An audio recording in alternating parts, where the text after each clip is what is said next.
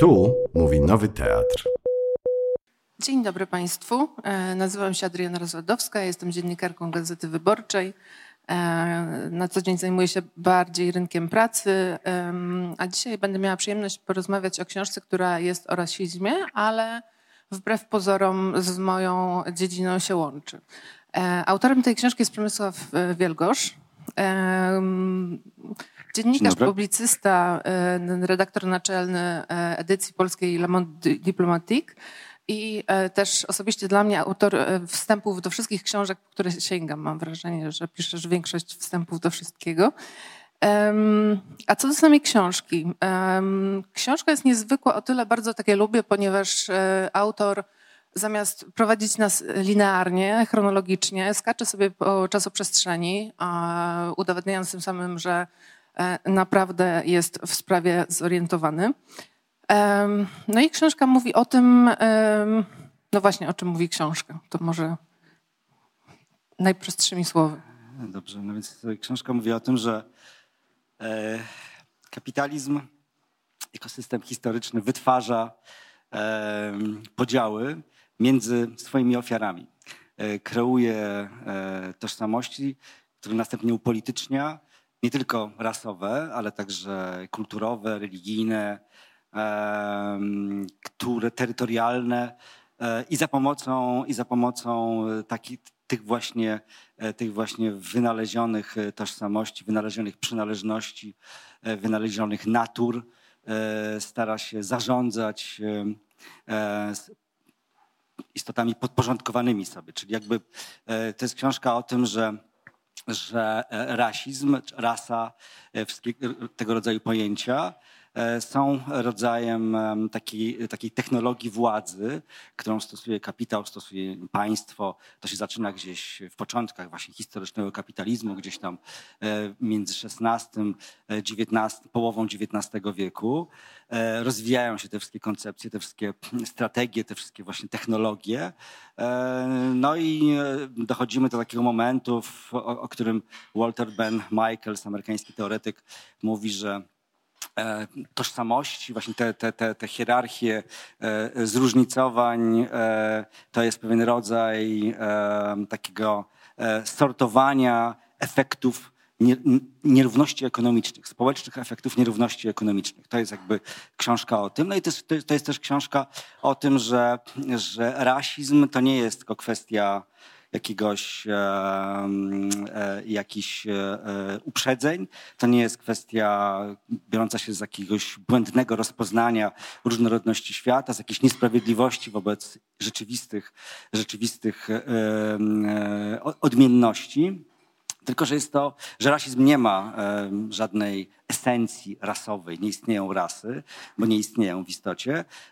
Natomiast jest, jest, e, jest takim mechanizmem, który wytwarza te, te, te wytwarza rasy, wytwarza, wy- wytwarza zróżnicowania etniczne, religijne i nadaje im pewien wektor polityczny, który pozwala wykorzystać je po to, żeby hierarchizować e, e, klasy podporządkowane. To jest jakby bardzo ogólna rama, w której odbywa się ta cała opowieść. E, Zaczynasz książkę od e, Wiosny Ludów. E, Co ma Wiosna Ludów z rasizmem wspólnego? Tak, no właśnie początek e, jest tak skonstruowany, żeby wybić nas z pewnego, e, z pewnego stereotypu, z takiego myślenia, w którym łączymy od razu rasizm z odcieniem skóry, łączymy go z historią niewolnictwa północnoatlantyckiego, łączymy go z tym, co tak naprawdę z, z rasizmem skleiła rasistowska ideologia w, w drugiej połowie XIX i pierwszej połowie XX wieku. Więc chcę pokazać, że te mechanizmy, które, e, które e, na- nazywamy urasowieniem, tak podstawowa technologia, jakby kwintesencja e, rasizmu to właśnie jest e, po prostu urasowienie, mechanizm urasowienia, czy też właśnie technologia urasowienia. No to jest coś, co się pojawia, y, pojawia także w miejscach, które nam się z e, e, odmiennościami rasowymi, tymi właśnie wymyślonymi, y, kompletnie nie kojarzy. Czyli na przykład e, w sercu Europy może się pojawić na ulicach Paryża, może się pojawić dwa lata przed, to właśnie w czasie wiosny ludów, może się pojawić dwa lata wcześniej w czasie rabacji galicyjskiej w Małopolsce. I w obydwu przypadkach mamy do czynienia z tymi samymi mechanizmami, które zadziałały Y, sto kilkadziesiąt lat wcześniej e, w Ameryce Północnej, wytwarzając jakby ten taki podstawowy kod e, podziału rasowego, który, który, który zaczął organizować, e, organizować zarządzanie podporządkowanymi w, w systemie kapitalistycznym. Ale co konkretnie podczas tej rewolucji... Okej, okay, dobrze, to będę ciągnął, tak. No więc tak, to była taka, taka, taki horyzont teoretyczny, ale rzeczywiście, no chodzi po prostu o to, że, że w czasie wiosny ludów, e, była długa, zaczęła się w lutym, wspól, e, lud Paryża, e, zarówno lud, ta, ta część ludu mieszczańsko-burżuazyjna, jak i ta część proletariacka, obaliła przegniłą monarchię, wznosząc piękny gmach republiki.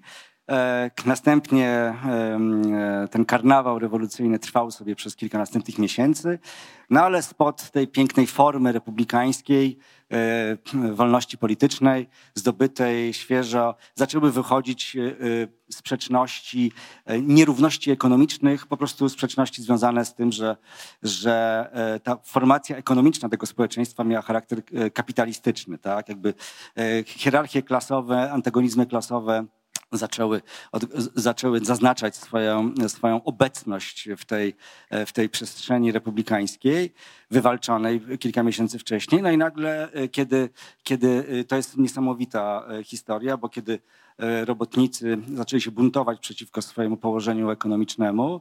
E, natychmiast e, ich niedawni bracia, głoszący właśnie ideę braterstwa, wolności i równości, bracia mieszczańscy i burżuazyjni, nagle odkryli w nich barbarzyńców, nagle odkryli w nich istoty, które zostały wykluczone z uniwersum praw człowieka, w którym wszyscy mieli być braćmi po obaleniu monarchii. No i skończyło się na tym, że, że, że robotnicy wzniecili powstanie, które zostało w sposób niesłychanie brutalny e, stłumione. To była właściwie, właściwie akcja eksterminacyjna, obejmująca proletariackie dzielnice dzielnice Paryża. To, się wydarzyło e, e, w drugiej dekadzie czerwca 1848 e, roku. Znane jest to powstanie jako dni czerwcowe. Same walki przyniosły tam niewiele ofiar, kilka, tysiąc, dwa tysiące ofiar, natomiast sama późniejsza masakra, e, znacznie więcej osób zostało rozstrzelanych, zmasakrowanych, e, całe dzielnice zostały wyczyszczone jakby też klasowo, w tym sensie, że, że, że e, przesiedlono dziesiątki tysięcy mieszkańców dzielnic robotniczych, wielu z nich, wielu z nich wywieziono później karnie do Nowej Kaledonii, do różnych kolonii francuskich, tam ich karnie osiedlając. I to jest niesamowita historia, dlatego że tutaj e, techniki e, pacyfikacji klas podporządkowanych, zbuntowanych robotników e, okazały się być zaimportowane z, z strategii stosowanych, metod stosowanych przez generalicję francuską podczas podboju Algierii. Właśnie w 1848 roku dobiegał końca podbój Algierii. To, była też, to jest też bardzo ważny epizod dla mnie w tej książce i wydaje mi się, że w ogóle bardzo istotny z punktu widzenia historii nowoczesności, dlatego że tam po raz pierwszy tak systematycznie, można powiedzieć, że z naukową e, z podbudową zastosowano e, e, strategię wojny totalnej. Wojna, wojna kolonialna w Algierii to nie była wojna z jakąś armią, Oczywiście była to wojna z armią Abdelkadera, jego partyzantami. Natomiast przede wszystkim Francuzi wpadli na pomysł skądinąd jednym z takich e, kodyfikatorów tej strategii był znany jako teoretyk e, e, republikanizmu, liberalizmu demokratycznego Alexis de Tocqueville, który który właściwie jest e, tutaj, okazuje się być autorem koncepcji wojny totalnej, wojny prowadzonej przeciwko ludności cywilnej, przeciwko zapleczu społecznemu, ekonomicznemu i, i, i właśnie populacyjnemu, demograficznemu tych, którzy stawiają opór. No jest to w tym sensie jakby wojna, wojna modelowa. To jest wojna, w której zginęło ponad 300 tysięcy osób znaczna część populacji ówczesnej Algierii, która wynosiła około półtora miliona. No i generalica francuska, e, która, e, która tłumiła powstanie algierskie, czy też opór algierski, później e, tłumiła powstanie robotnicze i robiła to dokładnie takimi samymi metodami. I co więcej, podbudowa ideologiczna tej, tej pacyfikacji Paryża była dokładnie taka, jak, jak ta, do której się odwoływano, organizując masakry w Algierii. To znaczy twierdzono, że to nawet było taka, pojawiła się taka, taka, ta, ta, taka nazwa, e, że robotnicy to są beduini metropolii, że w gruncie rzeczy mamy do czynienia właśnie z, z, z istotami, które, które nie E, które można wykluczyć poza, poza uniwersum, tak jak mówiłem, praw człowieka, prawda? Że, że w tym społeczeństwie, które, które myśli o sobie jako właśnie o wspólnocie równych, jako o republice rzeczy publicznej, istnieją e, klasy, które są większościowe z demograficznego punktu widzenia, które można eksterminować, nie licząc się z, z ich prawami, bo, ich, bo, bo tych praw nie mają. E, no i porównałem to, to wydarzenie z wcześniejszą o dwa lata rabacją galicyjską. Nie dlatego, żeby porównywać e, burżuazję francuską topiącą we krwi powstanie robotnicze z Jakubem Szelą, ale po to, żeby pokazać, że tu jest bardzo podobny mechanizm, dlatego że e, szlachta przerażona e, powstaniem chłopskim w 1846 roku w Galicji, e, sięgnęła do dokładnie tych samych e, dyskursów, które rozwijała burżuazja francuska dwa lata później w Paryżu. To znaczy, to znaczy nagle chłopi stali się, którzy dla wielu bardzo przedstawicieli takiej postępowej szlachty jeszcze, jeszcze kilka lat wcześniej mieli być braćmi w jakimś wyobrażonym póki co narodzie polskim, który miał się podnieść, który miał się jak ten Feniks odrodzić po zwycięskim powstaniu, jakimś tam narodowym kolejnym, prawda? E, nagle okazało się, że w momencie, kiedy chłopi się zbuntowali rzeczywiście i chcieli zmienić swój, swoje, swoje położenie, no to okazało się, że są, e, że, są czerniawą, że nie są już braćmi, nie są już potencjalnie członkami narodu, tylko są istotami, które reprezentują e, siły barbarzyństwa, natury, że są pijaną tłuszczą, która potrafi tylko niszczyć. Jakby to jest dokładnie ten sam mechanizm, który, który widzieliśmy w Paryżu. To znaczy, że w momencie, kiedy e, klasy ludowe zaczynają upominać się o swoje, czy to są robotnicy w Paryżu, czy to są chłopi w Galicji w połowie XIX wieku, e, burżuazja, która na co dzień uprawia mm, taką, e, rozwija taką opowieść o narodzie, o jedności ponad, ponad, ponad klasami, podziałami klasowymi, o, o uniwersum właśnie praw ludzkich, uniwersalności tych praw, nagle odwołuje się do, do kategorii, które de facto wykluczają z, z gatunku ludzkiego e, te buntujące się grupy. I że to jest jakby ten mechanizm, który, który się uruchamia w takich momentach, że mechanizm urasowienia, czyli wykluczenia jakiejś grupy poza, poza e, wspólnotę, w której częścią jesteśmy, uruchamia się wtedy, kiedy, kiedy klasy podporządkowane zabierają głos we własnym imieniu. E, dla mnie najbardziej mm, zadziwiające w tej książce było e, spośród informacji w niej zawartych, e, jakie grupy społeczne czy narody były postrzegane jako niebiałe na przykład, czyli Irland, Irlandczycy. W życiu bym nie pomyślała, że Irlandczycy nie byli uznawani za ludność białą w Stanach Zjednoczonych. Tak, Irlandczycy awansowali do ludności białej dopiero w drugiej połowie XIX wieku. Hmm. Y, natomiast y, jako punkt, w którym narodził się rasizm, y, ty sugerujesz, że to jest 1676 rok, bunt w Virginii. Piszesz o tym, że niewolnictwo nie miało koloru to było dla mnie kolejne zaskoczenie. Myślałam, że jestem niedouczona. Zapytałam kilku bardzo oczytanych osób i nikt nie zdawał sobie sprawy z tego, że e, biali byli tak samo e, ofiarami niewolnictwa, jak i czarni i że nie zdawali sobie sprawy, że... E, znaczy, nikt wtedy nie znał pojęcia rasizmu. znaczy tak, pojęcia rasy, tak, w takim znaczeniu, w jakim znamy je od połowy XIX wieku. E, no, rzeczywiście było tak, że można powiedzieć, że kolor skóry, odcień skóry w wieku XVI był czymś e, przezroczystym. Nie w tym sensie, że go nie było, tylko w tym sensie, że nie miał żadnego znaczenia politycznego, nie miał znaczenia, które mogłoby, e, mogłoby osoby o takim czy innym odcieniu skóry zmuszać do zajmowania jakiejś określonej, określonej pozycji w hierarchii społecznej. Wtedy czegoś takiego jeszcze nie było. E, I to, się, I to się zmienia rzeczywiście dopiero w drugiej połowie XVII wieku. Początki niewolnictwa, e, nawet jego też ekspansja, aż do, aż do końca XVIII wieku, tego niewolnictwa atlantyckiego, to jest, to jest okres związany w ogóle z e, początkami też kapitalizmu, prawda? To, jest, to są procesy, które są ze sobą, są dwa, dwa aspekty tego, tej, tej samej historii. No i to jest tak, że e, zacząć trzeba od tego, że no w ogóle generalnie wyobrażamy sobie kapitalizm jako, jako system e, wiążący się z ideą nie wiem, wolnego rynku, prawda, e, wolnej siły roboczej, najemnej siły roboczej, rewolucji przemysłowej i tak dalej. Tymczasem w rzeczywistości zamiast, zamiast wolnego rynku w rzeczywistości historycznej. Kapitalizm e, rodził się w, w toku grodzeń, czyli po prostu wywłaszczeń na, na gigantyczną skalę.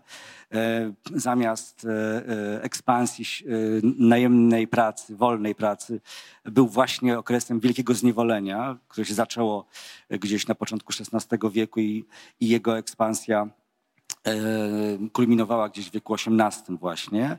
E, no i zamiast, e, e, zamiast rewolucji przemysłowej można wskazać po prostu na podboje kolonialne i na no właśnie budowę systemu, systemu pracy niewolnej jako źródło akumulacji bogactwa, które dało fundament dla rewolucji przemysłowej. No bo rzeczywiście trzeba pamiętać, że prawie połowa zaakumulowanego kapitału między XVI a końcem XVIII wieku globalnie e, pochodziła z grabieży e, dokonywanej przez europejskie mocarstwa w koloniach, więc to jest bardzo, bardzo istotne. No i teraz tak, jakby częścią tej, tej, tej historii zniewolenia, bo to o niej mówimy przede wszystkim, jest e, to niewolnictwo atlantyckie związane z handlem Afrykanami zniewolonymi, przewożonymi przez Atlantyk. Te historie znamy z filmów, z kultury popularnej, więc nie będę jakoś specjalnie rozwijał. Ale e, drugim elementem tej, tej, tej historii jest zniewalanie e, zniewolenie chłopów e, w Europie Środkowo-Wschodniej i Wschodniej, czyli przede wszystkim na terenach dawnej Rzeczpospolitej. To, się, to jest proces, który się zaczyna wraz z wtórnym poddaństwem gdzieś na początku XVI wieku i on się zaostrza im dalej w las, jakby tym, tym jest gorzej. E, wymiar pańszczyzny się zwiększa, położenie chłopów się pogarsza e, aż do końca XVIII wieku i potem jeszcze w, w okresie zaborów. E, natomiast kolejnym elementem są po prostu grodzenia, prawda? Czyli, czyli wypędzenia chłopów e, angielskich, francuskich, e, także irlandzkich z ziemi, grabież ich ziemi, akumulacja przez wielkich właścicieli ziemskich, którzy później zakładali tam pierwsze manufaktury na przykład, ale też wielkie, wielkie, wielkie takie przemysłowe gospodarstwa, można je tak nazwać, a historycznie trochę rolne. No i to są wszystko procesy, które które sprzyjają e, wytworzeniu się e, właśnie ogromnej ilości niewolnej siły roboczej. Mamy niewolników w postaci chłopów pańszczyźnianych. To jest jakby niewolnictwo tutaj w, w cudzysłowie, bo to jest troszkę inna relacja, ale też mamy niewolną pracę. No i mamy przede wszystkim tych e, eksterminowanych w, w drugiej połowie XVII wieku przez armię Cromwella Irlandczyków na przykład, czy też chłopów angielskich rugowanych, rugowanych z ziemi, którzy są następnie, następnie jakby zmuszani do migrowania do miast, ale są też karani za, za migrację. I karą za migrację jest albo powieszenie e, na szubienicy, co spotkało kilkadziesiąt tysięcy tych chłopów, albo e, wyekspediowanie do kolonii na drugą stronę Atlantyku w charakterze e, niewolnika kontraktowego. Ci niewolnicy kontraktowi teoretycznie mieli pracować po, przez 7-8 lat e, jako niewolnicy, potem mogli zyskiwać wolność. W praktyce ich, ich praca była tak ciężka, i sposób, w jaki byli traktowani, był tak barbarzyński, że mało który z nich był w stanie dożyć do momentu, w którym już można było e, cieszyć się wolnością w nowym świecie. E, no w każdym razie znaczna większość ludności europejskiej, która znalazła się po drugiej stronie Atlantyku, e, w koloniach angielskich, ale także francuskich w wieku XVII, to byli ludzie, którzy, którzy, byli, którzy byli właśnie niewolnikami kontraktowymi. I oni wspólnie z niewolnikami e, z Afryki, którzy byli niewolnikami bezterminowymi, e, pracowali, wspólnie cierpieli i wspólnie się buntowali. I e, te bunty narastały gdzieś od połowy wieku XVII i w pewnym momencie, właśnie w roku 1676, doszło do rebelii w, w kolonii Virginia. E, jej, jej, jej liderem został Nathaniel Bacon bardzo ciekawa postać, jakby nie, nie, będziemy się jej tutaj przyglądać specjalnie. Ważne jest to, że, że te, te rebelie e, wywołała e, biedota e, europejska robotnicy, właśnie niewolni, niewolnicy kontraktowi europejscy, do których przyłączyli się niewolnicy E, z Afryki. No i ten wielorasowy, wielokulturowy, wielojęzyczny tłum zaatakował e, stolicę Virginii, zaatakował pałac gubernatora, zrównał go z ziemią. Rzeczywiście powstanie e, doprowadziło do jakiejś w ogóle niesamowitej paniki, w, także w Londynie. Przesłano dodatkowe oddziały wojska. Zostało ostatecznie bardzo krwawo stłumione. I jego konsekwencją było to, że elity e, zarówno w Londynie, jak i przede wszystkim samej Virginii wpadły na pomysł, że trzeba e, do, do, doprowadzić do sytuacji, w której podobne rebelie już się nie będą powtarzały. Czyli, że trzeba będzie w jakiś, w jakiś sposób e, podzielić właśnie ten, ten wielorasowy tłum, który się, który się buntuje coraz bardziej. No i, no, no i wpadli na pomysł, żeby go podzielić po linii koloru skóry. To znaczy e, dać e, tej białej części niewolników i biedoty odrobinkę więcej, e, niewielki przywilej w stosunku do tych pozostałych, czyli niewolników afrykańskich. No i od, tej, od, tego momentu zaczyna się, zaczyna się ta gra w rasy, już taka bardzo, bardzo, bardzo wyraźna i oczywista i z pewną intencją polityczną prowadzona. I zaczyna się, e, można by powiedzieć, takie gombrowiczowskie upopienie strajków. To znaczy, w momencie, kiedy widzimy na przykład e, bunty w Afryce, e, to nie dowiadujemy się, o co chodzi tym ludziom, tylko jest to pokazywane jako czysta przemoc. Kiedy w, podczas protestów w Stanach Zjednoczonych płonęły samochody, dowiadywaliśmy się, że to jest sprawa kryminalna, a nie polityczna. Jest to też stosowane dzisiaj e, w, w Polsce. No i chciałabym się ciebie zapytać, jakby, czy jest wyjście z tej sytuacji? To znaczy, powiesz, e, powstaje dużo mądrych lewicowych e, książek, które mówią mądre rzeczy, natomiast jak można zwyciężyć z kapitałem, z czymś e, tak olbrzymim, z czymś, co chyba też niektórzy mają trochę we krwi, że tak to ujmę, e, bo często mówi się o tym, że jednak jesteśmy jednostkami, które są skłonne do konkurencji i zawsze będą chciały konkurować.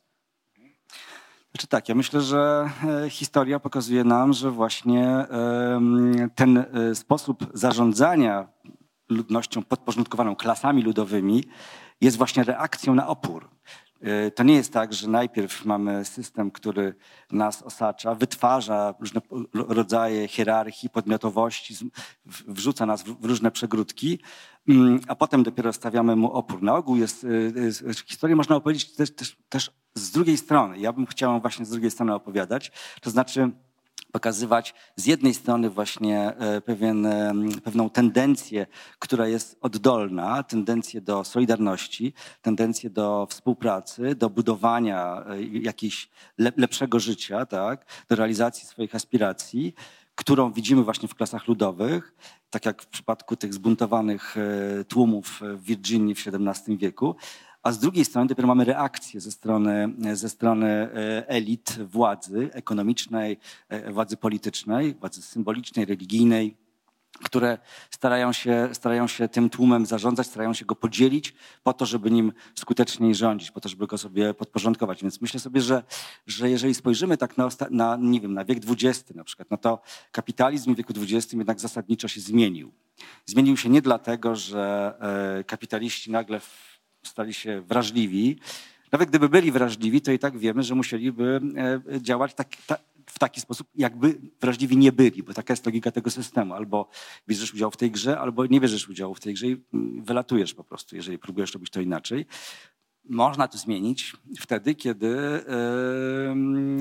dochodzi do transformacji na skalę yy, społeczną, na, na poziomie krajów, a najlepiej e, na, na, skalę globalną. I do takiej transformacji w pierwszej połowie XX wieku doszło.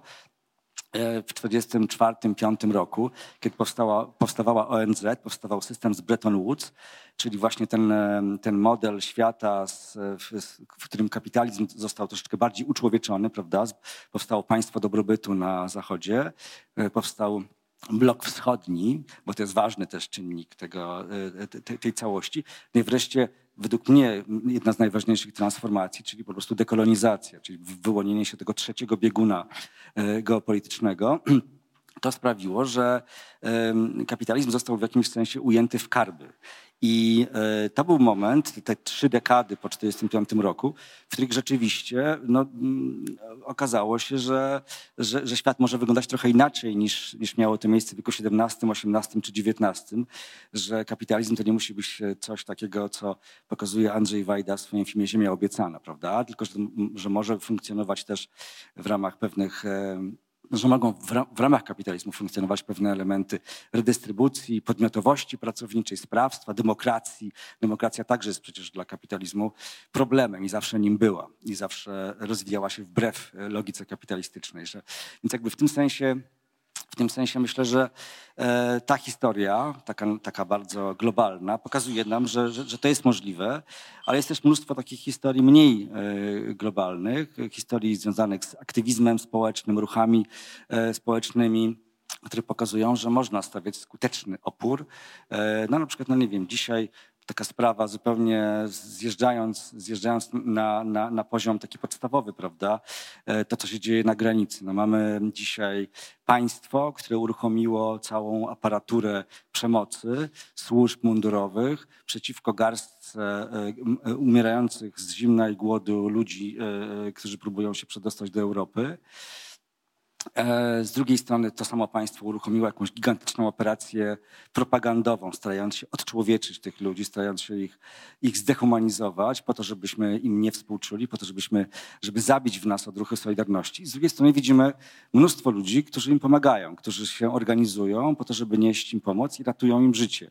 Więc jakby to jest dla mnie też znakomity przykład takiej Solidarności, o którą y, y, mogłoby chodzić w odpowiedzi na Twoje pytanie, co robić i w jaki sposób się temu przeciwstawiać. E, a zastanawiam się, no bo te e, hasła o tym, że należy wpuścić e, osoby, które w tej chwili znajdują się na polskiej granicy, oczywiście są bardzo słuszne, ale z drugiej strony jestem w stanie się wczuć na przykład w kobietę, która zdając sobie sprawę z tego, że E, no bo tak, e, twierdzisz w książce, że mm, rasizm to nie jest jakiś zestaw stereotypów i uprzedzeń. E, no ale wyobrażam sobie kobietę, która zwyczajnie boi się, bo wie, że do naszego kraju wjadą osoby z kraju, w którym traktowanie kobiet stoi na niższym poziomie. Jak byś przekonał taką osobę? No najlepiej byłoby poznać kogoś takiego, dlatego że najlepszym sposobem na to, żeby właśnie tego rodzaju lęki rozniecać, jest e, nie dopuszczać do kontaktu e, z, z, ludźmi z innych krajów, z innych kultur, z innych miejsc na świecie, nie dopuszczać do mieszania się e, różnych grup, no i do komunikowania się między sobą, ponieważ w, w, w momencie, kiedy taka komunikacja jest możliwa, sytuacja się radykalnie zmienia. No i okazuje się, że, że e, to zarządzanie strachem, lękami zbiorowymi, kreowanie zbiorowych lęków e, już, już nie wychodzi. Wydaje mi się, że polski rząd dzisiaj po prostu uprawia taką, taką politykę wrogości wobec, wobec migrantów, wobec e, wszystkich innych, wszystkich, których nazywa innymi, ale w równym stopniu może obsadzać w tej roli nie wiem, młodych Irakijczyków, jak i młodych chłopaków z, z, z, ze środowiska LGBTQ, prawda? jak najbardziej rdzenną ludność polską, tak? Można tak powiedzieć, używając języka, który jest bliski tej władzy. No więc jakby to jest kwestia bardzo arbitralna, kogo wskażemy i z kogo zrobimy wroga, z kogo zrobimy obcego, z kogo zrobimy potencjalne zagrożenie. I jeżeli, jeżeli mamy z tym walczyć, to właśnie, to właśnie wydaje mi się w, w taki sposób, że, żeby, żeby przełamywać te, te, te granice i starać się tych ludzi po prostu poznawać. No, to wtedy zupełnie inaczej wygląda. Oczywiście to nie oznacza, że no, nie rozumiem skuteczności tej, tej strategii. Ona jest skuteczna. Im mniej będziemy mieli tutaj możliwości poznania e, tych, których właśnie rząd obsadza w roli innych, tym, tym więcej będziemy mieli wobec nich e, zastrzeżeń, tym więcej będziemy mieli, e, im, im, im mniej ich będziemy znali, tym, tym bardziej się ich będziemy bać po prostu. E, napisałeś coś takiego, co mnie trochę przestraszyło na początku, to znaczy właśnie a propos LGBT, że faktycznie w dzisiejszych czasach jakby już czy prawa kobiet, czy prawa osób LGBT weszły do jakiegoś takiego takiego kanonu zachowań i każda firma e, ma te raporty CSR-owe, e, troszczy się o prawa kobiet, o prawa e, gejów, lesbijek, natomiast jednocześnie na przykład zwalcza związki zawodowe. To jest dokładnie to, o czym ty piszesz, że po prostu przeprowadza podział po tej linii światopoglądowej. Trwa debata, czym tak naprawdę powinniśmy się zajmować? Czy stroną ekonomiczną, czy stroną światopoglądową bardziej? Chodzi głównie o lewicę. E, czy wskaz wskazywanie na to, że właśnie kapitalizm przejął te, te, te sprawy światopoglądowe nie zaszkodzi trochę tym środowiskom i no przede wszystkim jak powinniśmy, znaczy czy sprawy ekonomiczne, czy sprawy światopoglądowe? Mhm. Tak, no ja myślę, że nie zaszkodzi, tylko pomoże, bo tutaj nie chodzi o to, żeby, y, mi chodzi o coś takiego, żeby pokazać, że e, to, co mm, jest elementem tej, tej samej walki, czyli kwestie związane z, z prawami kobiet, z prawami różnego rodzaju mniejszości e, rasowych, migranckich, prawda, e, czy, czy, czy mniejszości seksualnych i kwestie ekonomiczne, to jest jakby ta sama walka i to generalnie rzecz biorąc w historii tak wyglądało. Dlatego też jak spojrzymy na nie wiem, historię różnego rodzaju rebelii, buntów ludowych, buntów antykolonialnych na przykład, to zobaczymy, że tam rola kobiet była ogromna. Że właśnie te społeczności były najbardziej e, bliskie, no nie wiem, najbardziej squeerowane, można by powiedzieć, używając takiego, takiego e, współczesnego języka. Natomiast e, i, i, to było skandalem dla, dla dominujących wówczas państw, dominujących ośrodków władzy ekonomicznej, symbolicznej i, i, i politycznej. Więc jakby dzisiaj mamy sytuację, w której, w której istnieje taka dyskusja i taka linia sporu między tymi, którzy uważają, że trzeba się zająć kwestiami społecznymi, związkami zawodowymi, prawami pracowniczymi, a tymi, którzy uważają, że trzeba zajmować się sprawami e, e, mniejszości LGBTQ na przykład, no nie wiem, e, e prawami kobiet, prawami reprodukcyjnymi i tak. Więc ja uważam, że e, obie strony są złe, tak by powiedział Józef Stalin. To znaczy po prostu w ogóle ten spór jest fałszywy i nie powinno go być. Jakby na, naszym zadaniem powinno być po prostu e, zrozumienie, że e, rzeczywiste e, struktury e, wyzysku, rzeczywisty wyzysk, rzeczywista dyskryminacja, z którą się spotykamy, ma charakter intersekcjonalny. I w związku z tym intersekcjonalna powinna być także nasza odpowiedź. To znaczy powinniśmy widzieć, e, nie wiem, w buntach, e, e, w czarnych protestach, w walkach o prawa reprodukcyjne, walk, też element walki klas, dlatego że jeżeli istnieje jakaś grupa kobiet, która naprawdę potrzebuje praw reprodukcyjnych, to to są kobiety z klas ludowych. I one, bo one nie są w stanie zafundować sobie zabiegu za granicą A w każdym razie nie, nie, nie, w takim zakresie i nie na takim poziomie, jak, jak mogą to robić kobiety z innych grup społecznych. Jakby i, i, i wiele innych przykładów pokazuje, że, że, że, że, dokładnie tak to wygląda, że te wszystkie mniejszości tożsamościowe, one, one zawsze lądują też na dole hierarchii y, klasowej.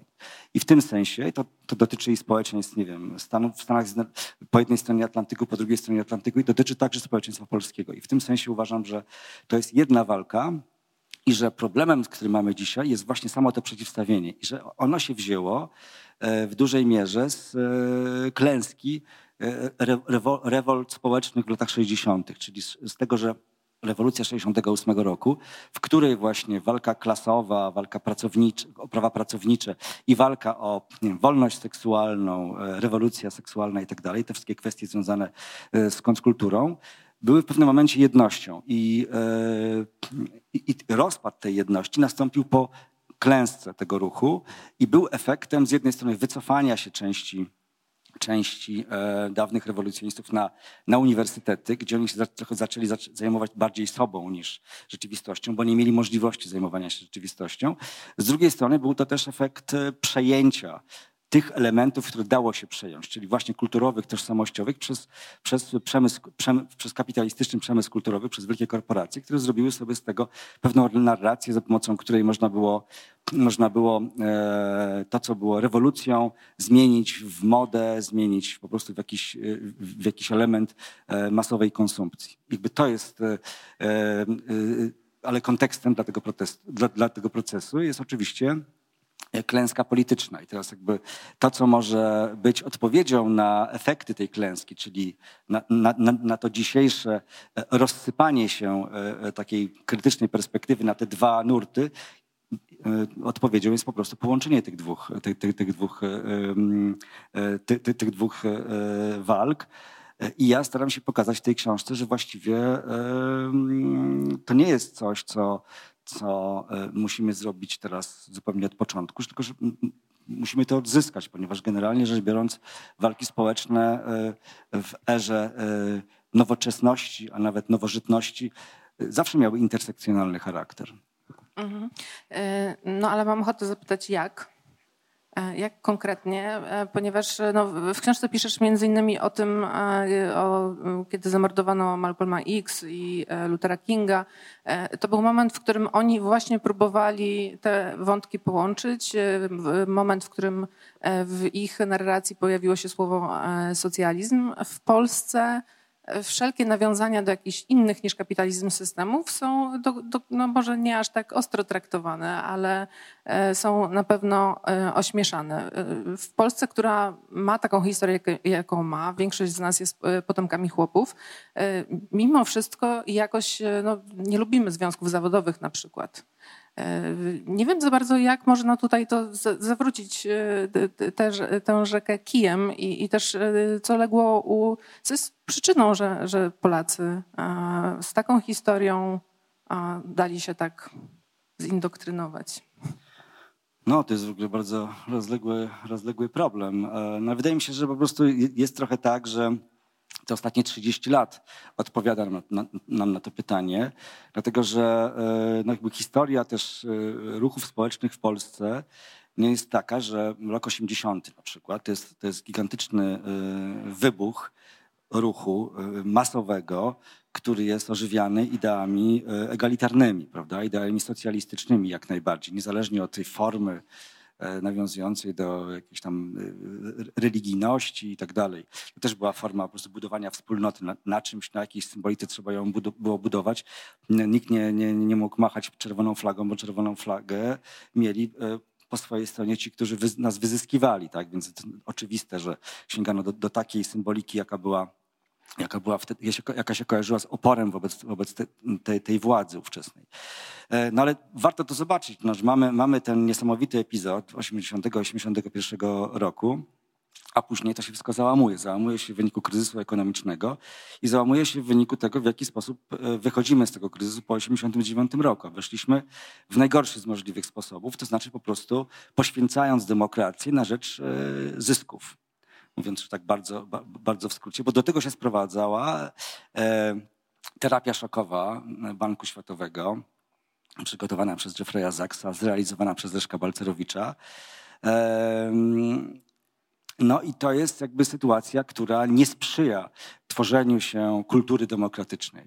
E, te wielkie, e, wielka, wielkie bezrobocie, wielka pauperyzacja lat 90., to, że w Polsce kryzys e, na poziomie takim, jakim w Grecji znalazł się w roku gdzieś w 2015, to było dno kryzysu w Grecji, kiedy tam było 20% bezrobocia to w Polsce 20% bezrobocia mieliśmy przez kilkanaście lat po 1989 roku, więc jakby koszty społeczne tego są jakieś w ogóle gigantyczne, więc ja się naprawdę nie dziwię różnym e, ekstremalnym zjawiskom społecznym w Polsce dzisiaj, jeżeli przypomnimy sobie, jak to wyglądało w latach 90.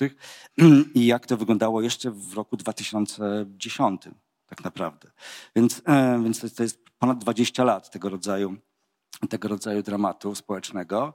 E, no i to jest, e, i to, i to jest sytuacja, w której oczywiście e, niszczenie, niszczenie miejsc pracy, niszczenie przemysłu, niszczenie całych sektorów gospodarki, także, także kolaboracja związków zawodowych wtedy z kolejnymi rządami, które prywatyzowały, deregulowały i likwidowały, wyprzedawały, no, sprawiła, że ludzie generalnie stracili zaufanie do państwa, do demokracji ale także stracili zaufanie do związków zawodowych. Więc dzisiaj odbudowujemy tak naprawdę wszystko. E, nie tylko e, związki zawodowe muszą się odbudować, odbudować swoją wiarygodność, ale także e, swoją wiarygodność musi odbudować po prostu polska demokracja. Więc w tym sensie mm, jak, jakoś tam zawracamy rzeczywiście rzekę kijem, ale wydaje mi się, że to jest możliwe. No, jeżeli, jeżeli możliwe było zdruzgotanie tego, co co osiągnięto w 1980-1981 roku, tego doświadczenia, które było naprawdę niezwykłe i które było bardzo budujące, to wydaje mi się, że też możliwe jest dzisiaj e, odbudowanie pewnych, pewnych, pewnych rzeczy. No już teraz to nie będzie po prostu powrót do tego, e, też nie ma co, co mitologizować pierwszej Solidarności, natomiast Natomiast na pewno, na pewno taka, taka solidarność jest możliwa i wspominałaś właśnie o, o przykładzie amerykańskim, czyli o, o, o, o ruchu wyzwolenia czarnych. Rzeczywiście tak było, że w latach 60., kiedy tylko poszczególne nurty tego ruchu y, czarnych zbliżały się do odkrycia, że tu nie chodzi o jakiś separatyzm rasowy, nie chodzi o E, powrót do Afryki, tylko o, o przebudowę e, w ogóle stosunków klasowych w Stanach Zjednoczonych, o zmianę tego społeczeństwa, uczynienie go bardziej sprawiedliwym, bardziej równym, bardziej egalitarnym, to natychmiast e, policja wyjmowała spluwy i odstrzeliwała tych, tych, tych działaczy. Tak się zdarzyło z dziesiątkami działaczy czarnych w Stanach. Ale warto, to, warto zauważyć, że, że e, ten, te, te, protesty z zeszłego roku e, e, po zamordowaniu George'a Floyda, one właśnie przełamały taką, taką mm, niszę rasową, w którą polityka policji amerykańskiej i państwa amerykańskiego chciałaby wepchnąć ruchy, ruchy ludności afroamerykańskiej.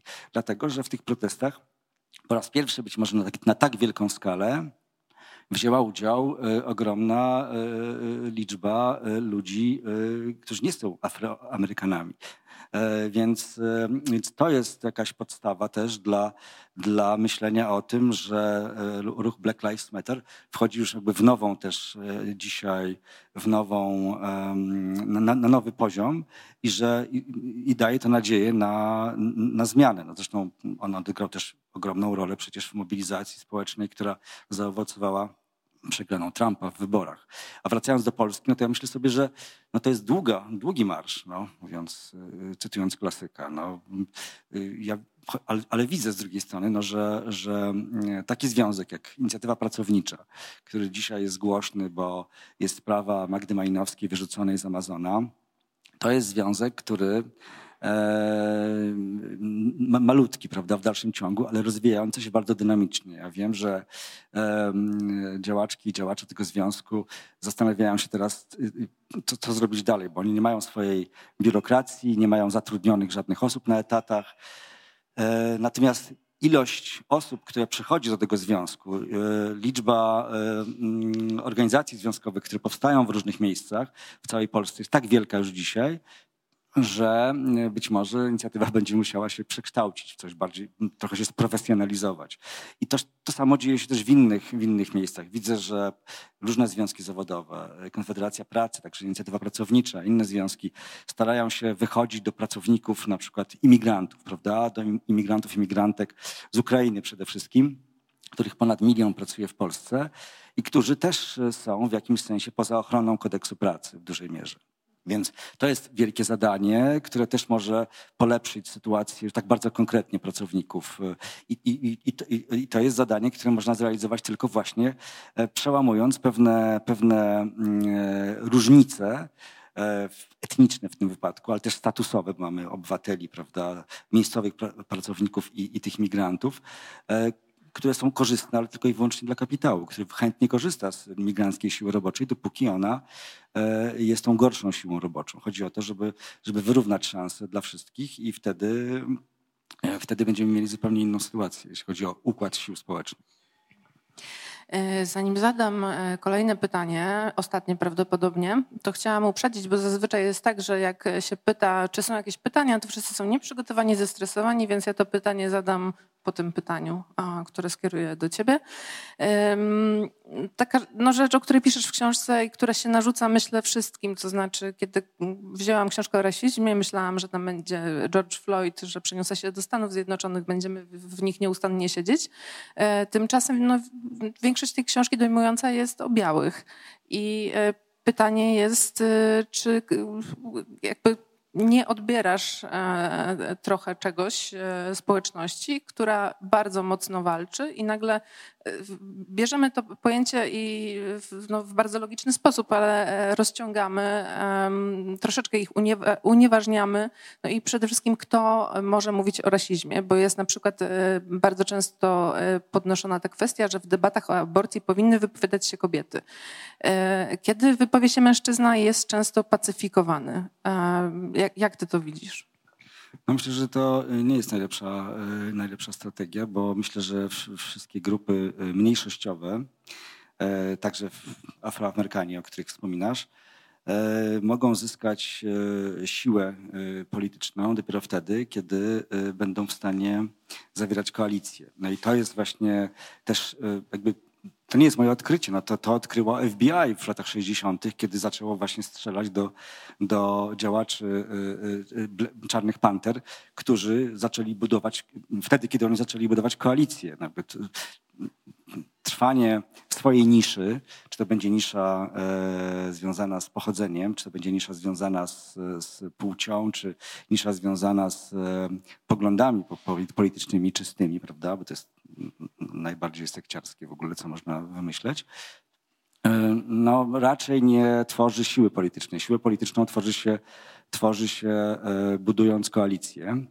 E, to nie oznacza, że zlewając się w, jakąś, w jakiś jednolity front, to nie, oznacza, to nie oznacza tracąc swojej tożsamości politycznej, odmienności doświadczenia i tak ale budując koalicję i takich, i takich przykładów można mnóstwo, mnóstwo zobaczyć. Ja staram się pokazywać takie, takie miejsca, w których takie koalicje, czy to z, ze społecznościami skolonizowanymi, okupowanymi, e, czy to właśnie z grupami, e, które są dyskryminowane na, różnych, na, na różnym mm, poziomie, e, można budować i one działają. No, to, co mówiłem, prawda, o tej takiej efemerycznej koalicji, która się zawiązała w zeszłym roku podczas protestów w Stanach Zjednoczonych między właśnie większością a, a, a, walczącą mniejszością. To jest bardzo, bardzo ważny y, punkt, wydaje mi się, że jakoś tam zwrotny y, w, w historii mm, e, ruchów Afroamerykanów y, w, w USA. No ale to samo można powiedzieć właśnie chociażby, nie wiem, o czarnych protestach, prawda, że w momencie, kiedy, kiedy zaczynamy dzielić się na tych, którzy mają prawo i mówić i tych, którzy nie mają prawa mówić, natychmiast, natychmiast nasza siła e, polityczna zaczyna się zmniejszać. E, natychmiast donośność też tego głosu się, się maleje. To nie znaczy, że mm, pozwolenie komuś na głos nie oznacza, że ten ktoś decyduje. To jest, to jest zasadnicza różnica, bo e, tak jak mm, Renier Deloche w swojej książce o tym, dlaczego nie chce mówić już z białymi o kolorze skóry. Mówi o tym, że, że nie chce z nimi rozmawiać o kolorze skóry. Ja myślę, że, że rzeczywiście nie można, że nie mamy nic do powiedzenia kobietom jako mężczyźni, tak?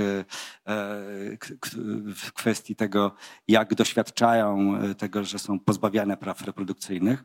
Tak samo nie mamy nic do powiedzenia jako e, osoby e, białe, e, osobom o pochodzeniu afro, nie wiem, karaibskiego na przykład, na, na temat ich doświadczeń życiowych. Natomiast możemy mówić o tych kwestiach, tutaj nie widzę żadnych w ogóle barier ani, ani jakichś ograniczeń, Problem polega na tym tylko, jak się organizujemy. Czy, czy organizujemy się na zasadzie solidaryzowania się z, z takimi, z takimi e, grupami, czy, czy próbujemy przejąć nad nimi kontrolę. No to jest jakby e, problem, który bardzo dobrze było widać w różnego rodzaju inicjatywach w, w, Palestynie, prawda? Ja podaję te przykłady, bo, bo to jest takie laboratorium trochę też oddolnego, demokratycznego organizowania się w ekstremalnie trudnych okolicznościach. E, I w latach dwutysięcznych ruch Solidarności z Palestyńczykami w czasie drugiej intifady wypracował taką strategię, która wydaje mi się modelowa, dlatego że im się udało doprowadzić do sytuacji, w której e, wszyscy mają głos, wszyscy mogą mówić, wszyscy także ci, którzy przyjeżdżają do Palestyny po to, żeby wspierać osoby żyjące w warunkach okupacji, czystki etnicznej i tak ale zarazem nie roszczą sobie prawa do wypowiadania się w imieniu tej, tej grupy. Więc e, dopóki nie ma takiego roszczenia, dopóty e, wszystko jest w porządku i dopóty też jakby dyskusja na tym zyskuje e, i politycznie ruch staje się silniejszy. Czy są jakieś pytania?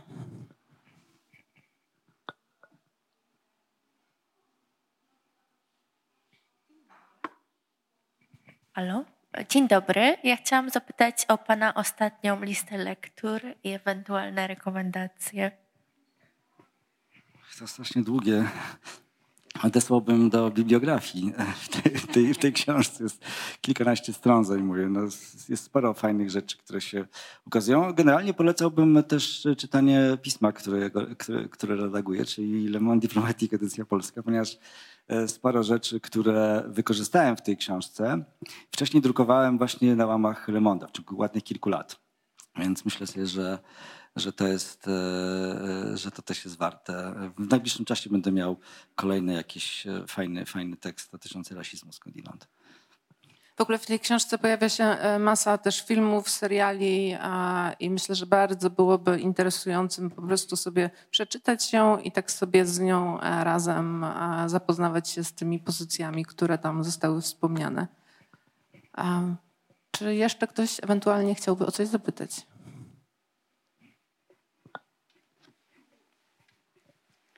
E, ja zapytam po rosyjsku, ale mam tu tłumacza bo nie potrafię powiedzieć to, co chcę.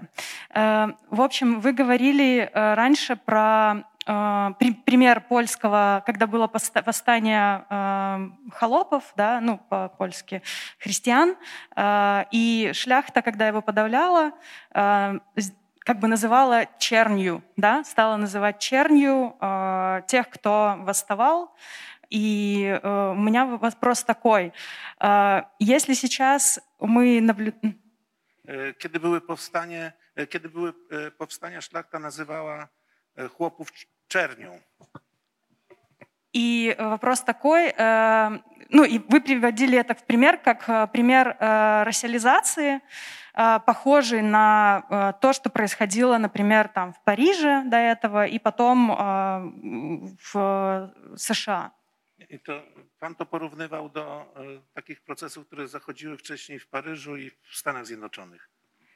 У меня возник вопрос о том, зачем на момент, когда, ну, то есть это был еще условно феодальный строй, да, до, то есть этого, это не был капитализм с человеческим лицом, для которого шляхте было необходимо кому-то объяснять, что э, крестьяне это черни. На тот момент как будто бы как каждая из этих групп понимала, что одна владеет другой, и я не, немного не поняла, зачем э, шляхте необходимо был вот этот черный пиар э, против крестьян.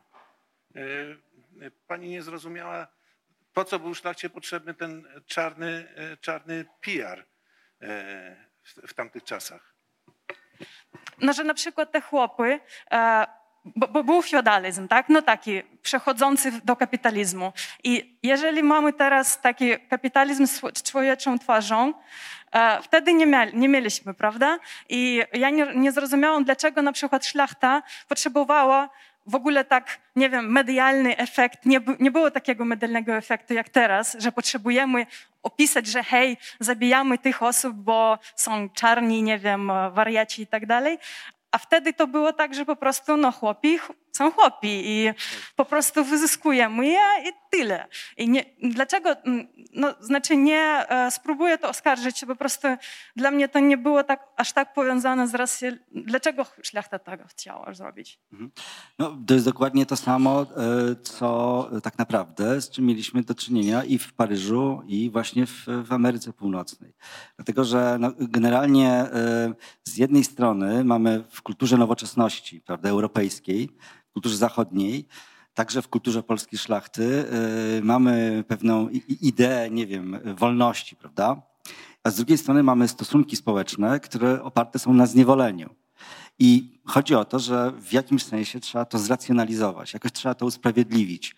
No więc rasizm to jest. Właśnie, tak, dla kogo właśnie potrzebowali to zra- zracjonalizować? Dla, Także- dla, także- dla siebie? Także dla siebie, tak, tak. No, ja uważam, że no, jeżeli spojrzymy na, spojrzymy na e, literaturę XVI wieku e, z, Pols- z terenów polskich, czyli z Rzeczpospolitej ówczesnej, no to, no to dostrzeżemy mnóstwo przykładów właśnie tekstów, które e, starają się opisać, dlaczego ten porządek wygląda tak, jak wygląda. Generalnie wydaje mi się, że zawsze e, e, ci, którzy są uprzywilejowani, szukają usprawiedliwienia dla swojego przywileju, niezależnie od tego, czy ten przywilej opie- opiera się na nagiej przemocy, czy na przemocy tylko symbolicznej, czy też ekonomicznej. I tak było w XVI wieku. No, polska szlachta e, uważała, że jej wyróżniona pozycja, jej przywileje biorą się z tego, że po pierwsze, że tu było kilka takich opowieści. Opowieść biblijna. Opowieść biblijna mówiła, że szlachta pochodzi od, e, że nie, inaczej. Ona mówiła, że chłopi pochodzą od Chama, czyli tego niedobrego, złego, grzesznego syna Noego.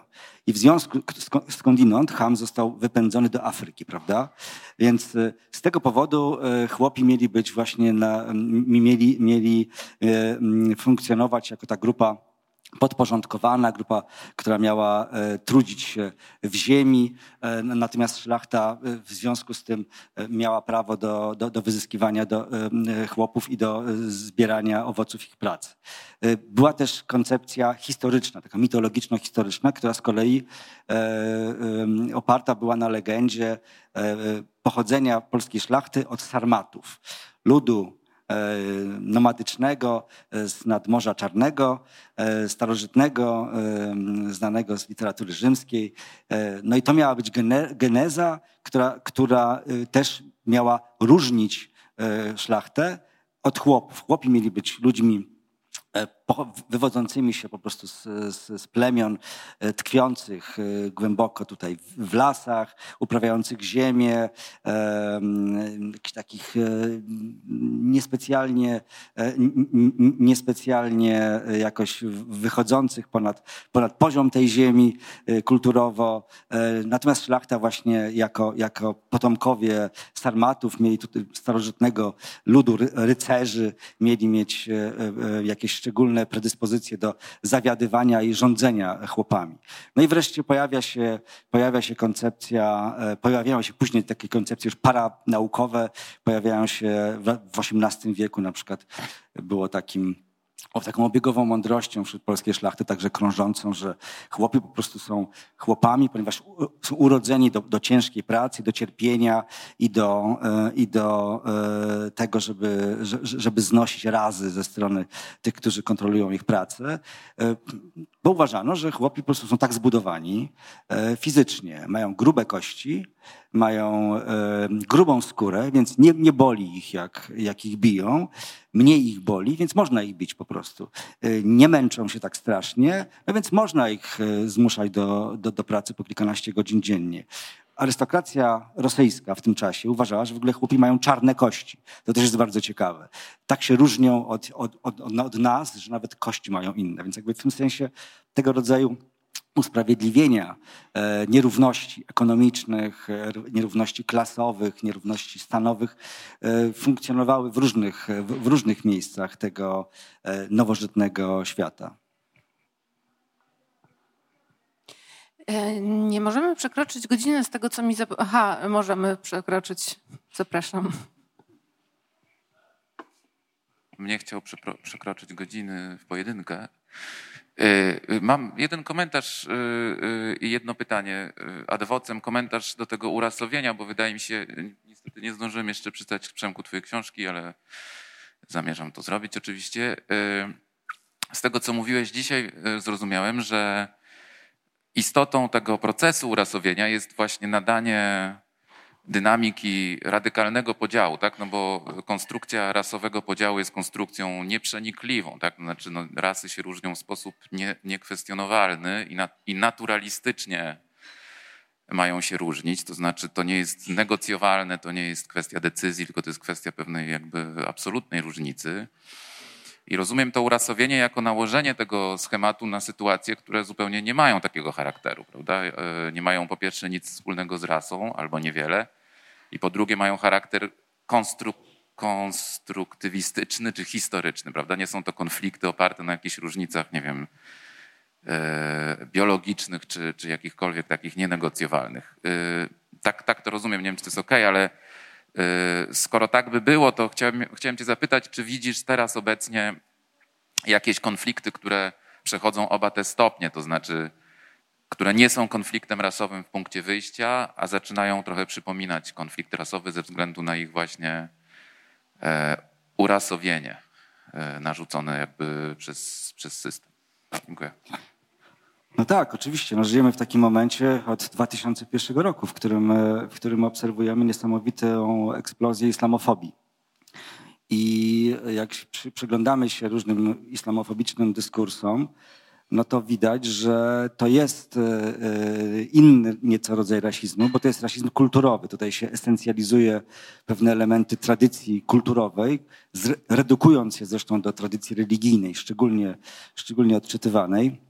Ale efekt jest bardzo podobny. I to nie jest oczywiście, to nie jest rzecz, która zaczęła się 11 września, tylko znacznie wcześniej, no bo w 1993 roku wyszła książka Samuela Huntingtona e, Zderzenie cywilizacji, która jest takim, taką biblią e, kulturowego rasizmu, e, była przyjęta była bardzo entuzjastycznie przez bardzo, w bardzo różnych kręgach, także tych, które uważają się za otwarte, postępowe, także w Polsce i była szeroko czytana no miał, miał to być jakiś taki nowy klucz e, do zrozumienia e, e, geopolityki globalnej po upadku bloku wschodniego, po, po w ogóle rekonfiguracji świata po, po, po 1989 roku, także po upadku państwa dobrobytu na Zachodzie. No ale w istocie okazało się to być e, bardzo, bardzo poręczne narzędzie takie ideologiczne, które dzisiaj e, jest stosowane, czy też rozwinięte na bardzo wielu różnych, e, w różnych wątkach, na różnych poziomach do prowadzenia no właśnie takiej, takiej, takiej, takiej wojny o charakterze nieograniczonym, wojny o charakterze imperialnym, neokolonialnym, która nieustannie tak naprawdę trwa, bo toczą ją i Stany Zjednoczone w Afganistanie i w Iraku. Przegrały na obydwu tych frontach, ale to nie znaczy, że przestały się angażować w ten konflikt, bo na przykład angażują się w wojnę w Jemenie. Toczy, toczy tę wojnę Francja w całej Afryce Zachodniej od Czadu, przez Niger, Mali, e, aż po Republikę Środkowoafrykańską. I to, I to są rzeczy, które, które się nieustannie nakręcają. Jakby widać, że, e, widać, że te mechanizmy urasowienia pojawiły się także w Polsce e, w 2015 roku w języku prawicy idącej wtedy do, do wyborów zwycięskich, prawda? Jeżeli, jeżeli, jeżeli e, nagle w dyskursie pojawiają się zarazki, które niosą ze sobą migranci, ponieważ reprezentują taką E, pochodzą z takich rejonów, reprezentują takie społeczności, które mają właśnie takie cechy, które mogą nam zagrażać biologicznie, no to to jest ewidentnie wątek e, rasowy i to jest element urasawiania tych, tych grup a więc wykopywania między nimi a nami e, takich, takiej przepaści, której nie daje się zasypać w żaden sposób. I dzisiaj to, co robi to, co robią nasi ministrowie, imputując Mm, migrantom na, na granicy, jakąś zoofilię, jakieś tego rodzaju zachowania, to jest ewidentnie dokładnie próba zrobienia tego samego. E, dzisiaj się jakby źródłem ma, ma być już nie kolor skóry, już nie budowa ciała, e, chociaż niekoniecznie, bo wydaje mi się, że to może wrócić w każdej chwili. No bo jeżeli mamy, mamy profilowane rasowo kontrole, E, policyjne w, w, strefie stanu wyjątkowego, no to, no to już wróciło tak naprawdę. I już wróciło w sposób nie na zasadzie takiej, że ktoś ma takie uprzedzenia, tylko na zasadzie takiej, że tak państwo działa w Polsce. Więc, więc oczywiście, że tak, oczywiście, że może, że, że mo, mo, może wrócić rasizm taki bardzo, bardzo brutalny i wulgarny, e, ten biologiczny, ale wydaje mi się, że nigdy nie odszedł z, naszej, z naszego życia ten rasizm kulturowy, który jest bardzo silnie e, obecny, no właśnie poprzez, poprzez to, co się dzieje w takiej przestrzeni międzynarodowej, poprzez zaangażowanie także polskich rządów kolejnych, także tych mm, lewicowych, e, w wysyłanie wojska do e, Afganistanu czy Iraku po to, żeby tam robić porządek. Patrzę na salę. Pytań chyba nie ma. Czy może są z internetu? Halo, tak, mamy pytanie z e, internetu. Pani Anna Karolina pyta e, pana Przemysława o jego opinię na temat e, mniejszości polskiej w białoruskich więzieniach. No to jest opinia, która byłaby podobna jak ta, którą miałbym na temat w ogóle e, osób, w, jak rozumiem, prześladowanych e, przez reżim białoruski i znajdujących się dzisiaj w więzieniach e, na Białorusi. No, Białoruś jest dyktaturą, której przywódca prezydent Łukaszenka nie może się pogodzić z tym, że przegrał wybory i sięga teraz do bardzo brutalnych metod, e, znacznie zaostrzając kurs od, od kilkunastu miesięcy. No więc y, trudno mieć tu zdanie inne niż, y, niż krytyczne wobec tego, co się tam dzieje dzisiaj. Niezależnie od tego, kto siedzi w tych więzieniach.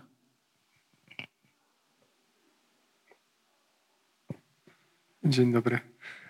Chciałem spytać, bo ta rzecz o rasizmie jest taka bardzo rozległa. Jak widać, jak się jej przyjrzeć i pan się jej tam głęboko przygląda, to no nie jest taka jednostronna, jakby ktoś mógł pomyśleć. Historia jest tego bardzo bogata i tak dalej. I sprawa no po prostu jest złożona, do tego zmierzam. I obserwowanie na przykład tego ruchu Black Lives Matter tylko z takiego punktu widzenia e, kryminalnego na przykład już jest z przesadnym upraszczaniem tej złożoności, prawda? Z kolei na temat tego, co dzieje się obecnie na granicy e, polsko-białoruskiej, możemy czasem słyszeć z Pana ust takie uproszczenia właśnie, że tam po prostu ludzie cierpią w lesie. I czy sprawa przypadkiem tam nie jest bardziej złożona? tutaj wiem, że ta sprawa jest emocjonująca, bo jest obecna, e, aktualna, ale czy właśnie nie robimy jakiegoś urasawiania e, w tym momencie e, też ekipy rządzącej, jakkolwiek może w tych środowiskach nie jest ona doceniana i nie żebym był jakimś e, promotorem ich, ale że, że ta sprawa tego, co dzieje się na granicy jest też bardziej złożona i, i to nie jest tylko to, że, że, że ci ludzie tam, którzy zrobili no, stan wojenny i jakiś zaostrzony, że nie chcą dać jedzenia tym ludziom, prawda, nie? Że, że to nie tylko o to chodzi.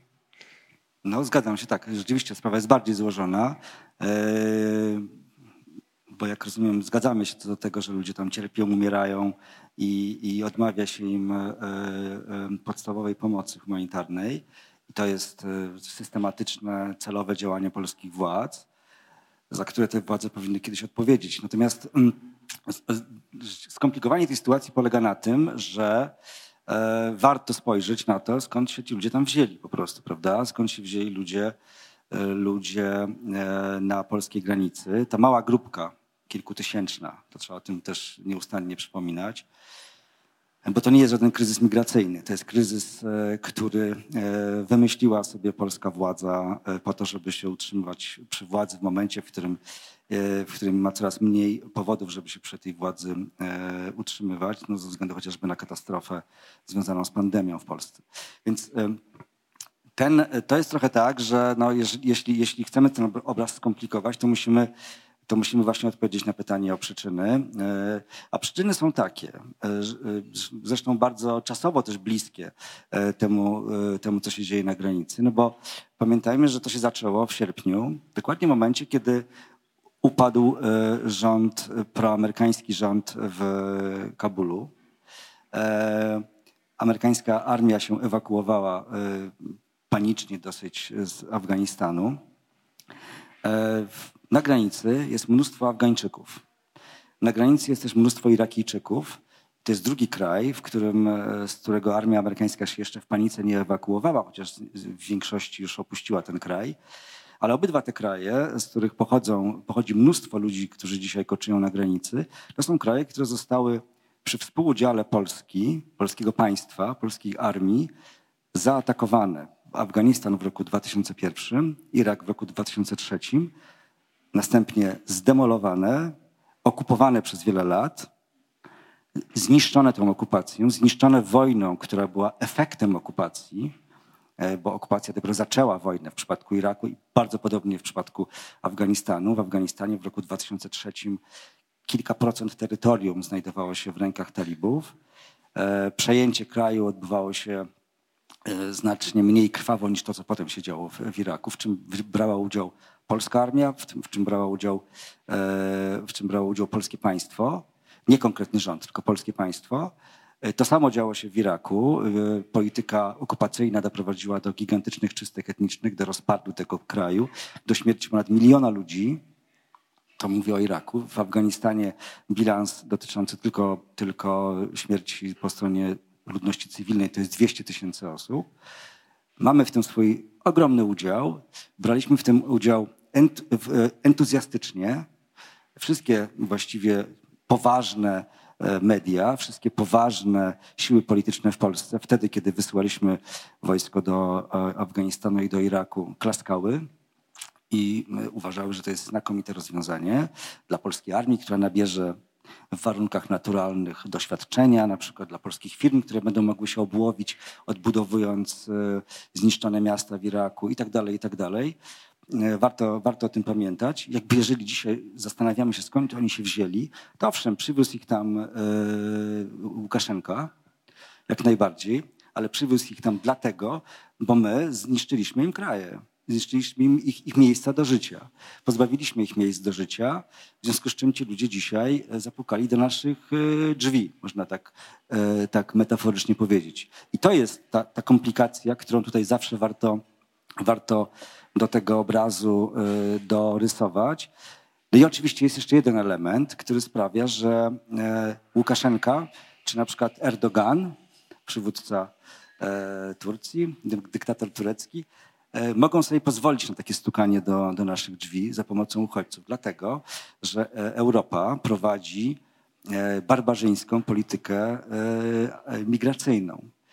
Gdyby to nie są ani to, co, to, co się działo w 2020 roku na granicy turecko-greckiej, kiedy też kilka tysięcy uchodźców pojawiło się w tej lądowej części granicy, koło Salon, tam kilka sto kilometrów od Salonik, E, ani to, co się dzieje dzisiaj na granicy polsko-białoruskiej, nie byłoby możliwe, gdyby Unia Europejska miała sensowną politykę przyjmowania wniosków o, e, o azyl, gdyby, miała procedury, które poz, pozwalające na to, żeby ci ludzie weszli do Polski, żeby ich sprawy zostały rozpatrzone, a oni po drodze, żeby zostali nakarmieni, e, położeni spać w, w warunkach ludzkich, E, i ewentualnie później e, byśmy na ten temat dopiero decydowali.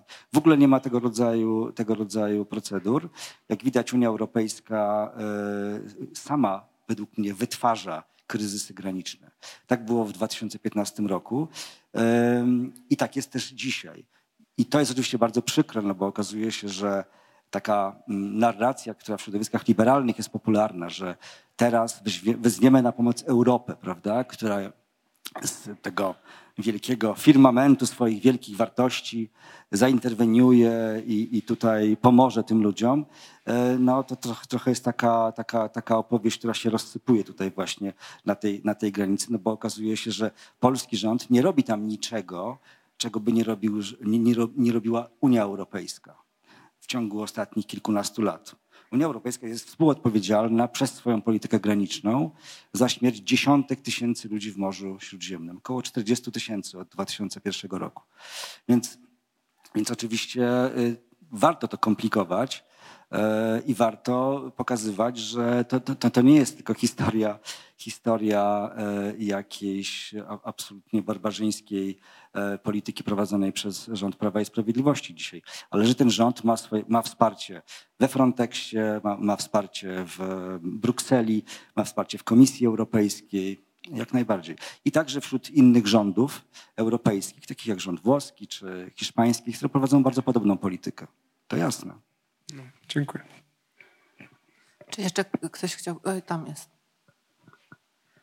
Mm, odnosząc się do, do tej wypowiedzi, zgadzam się absolutnie z tym, że e, Unia Europejska, mm, że Polska jest w tych działaniach tylko częścią Unii Europejskiej, to nieszczególnie wyjątkową i wcale nie najbardziej brutalną, niestety. I moje pytanie brzmi, czy to wręcz fizyczne odgradzanie się Europy E, płotem, drutem kolczastym e, nie uniemożliwia nam budowanie tych mostów i porozumienia ponad płotem czy pod płotem.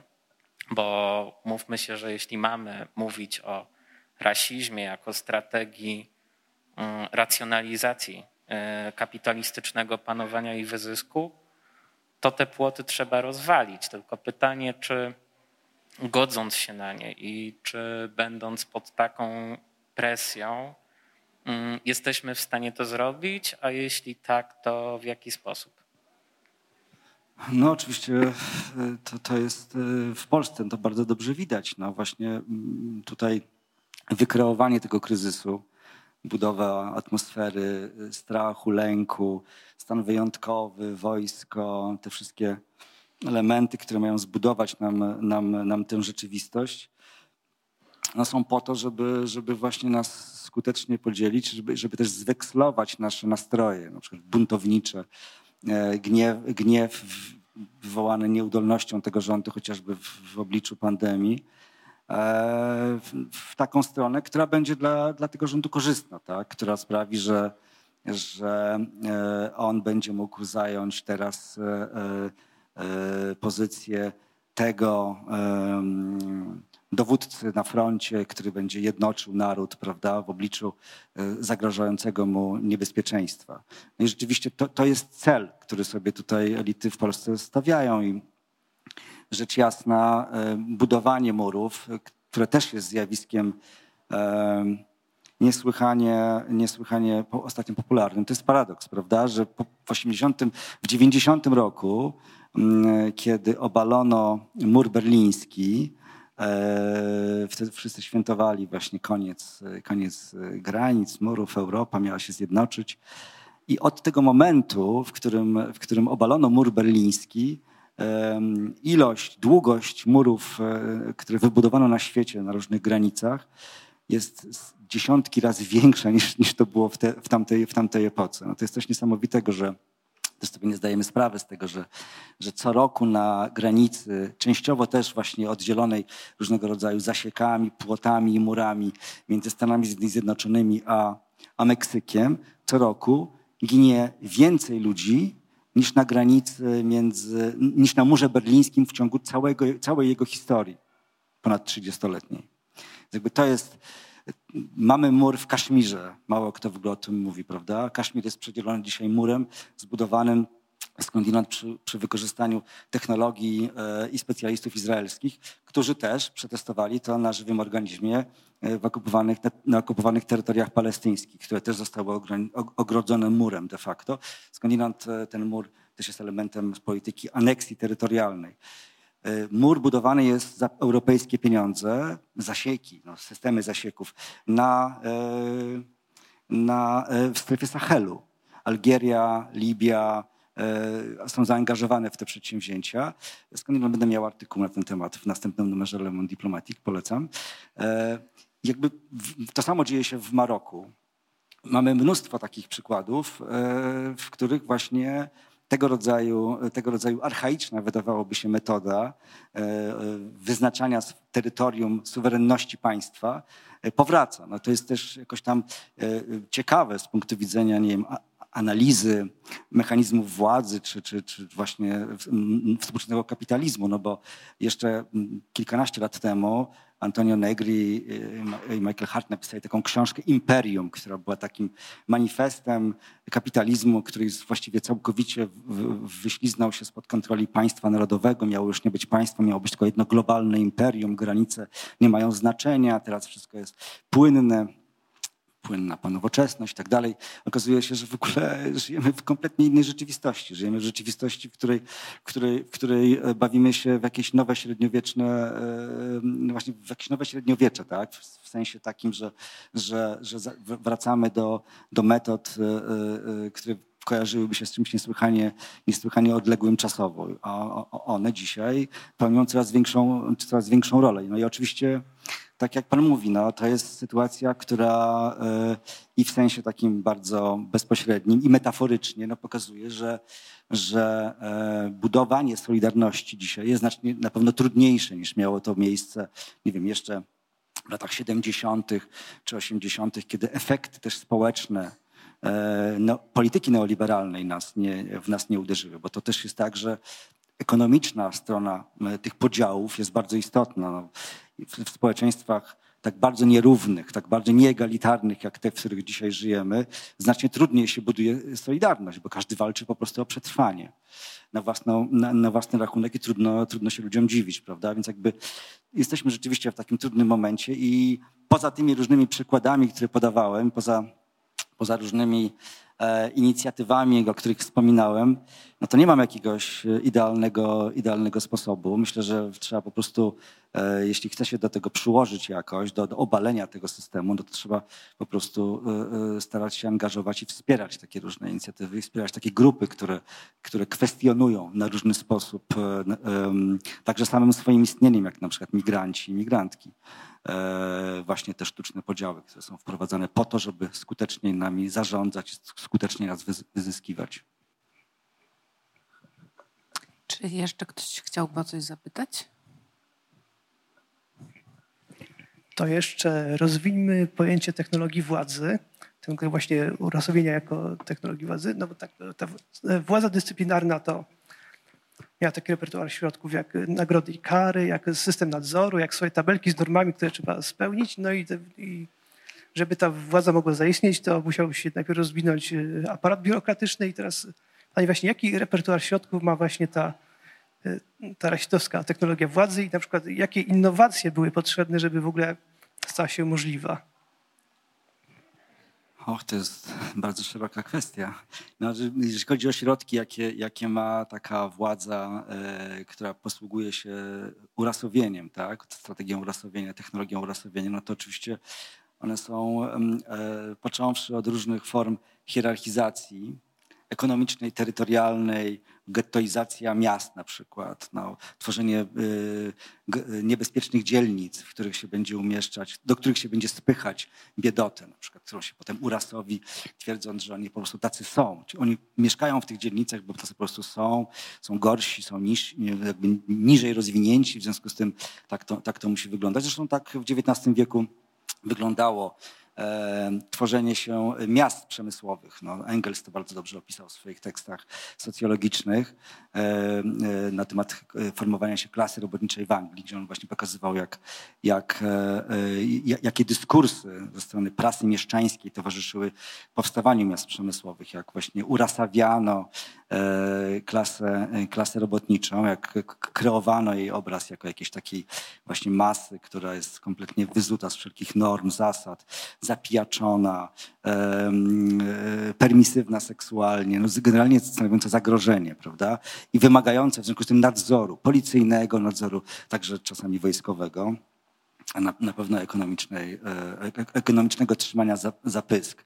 Więc jakby to są tego rodzaju strategie, no ale po drugiej stronie jest oczywiście eksterminacja, no bo rasizm i, i, i urasowienie to jest strategia też e, wyłączania pewnej, pewnej grupy ludzi z, e, z gatunku ludzkiego, tworzenia jakichś podgatunków, prawda, jakichś podgrup, więc jeżeli spojrzymy na przykład na XVIII-wieczny E, obóz pracy pod tytułem e, Saint-Domingue, czyli Haiti dzisiejsze, no to to była, e, to, to była wielka, jedna wielka plantacja trzciny cukrowej, na której ludzie pracowali przymusowo, ale zarazem E, ta rotacja e, istot e, ludzkich tam zaangażowanych, zużywanych, wyniszczanych przez tę pracę była tak gigantyczna, że praktycznie, teraz nie pamiętam liczb, ale, ale na Haiti co roku musiało przybyć kilkadziesiąt tysięcy nowych, czy nawet więcej niż kilkadziesiąt tysięcy nowych niewolników, ponieważ, ponieważ tak, tak szybko umierali ci, którzy tam pracowali. To była zarazem wielka rzeźnia.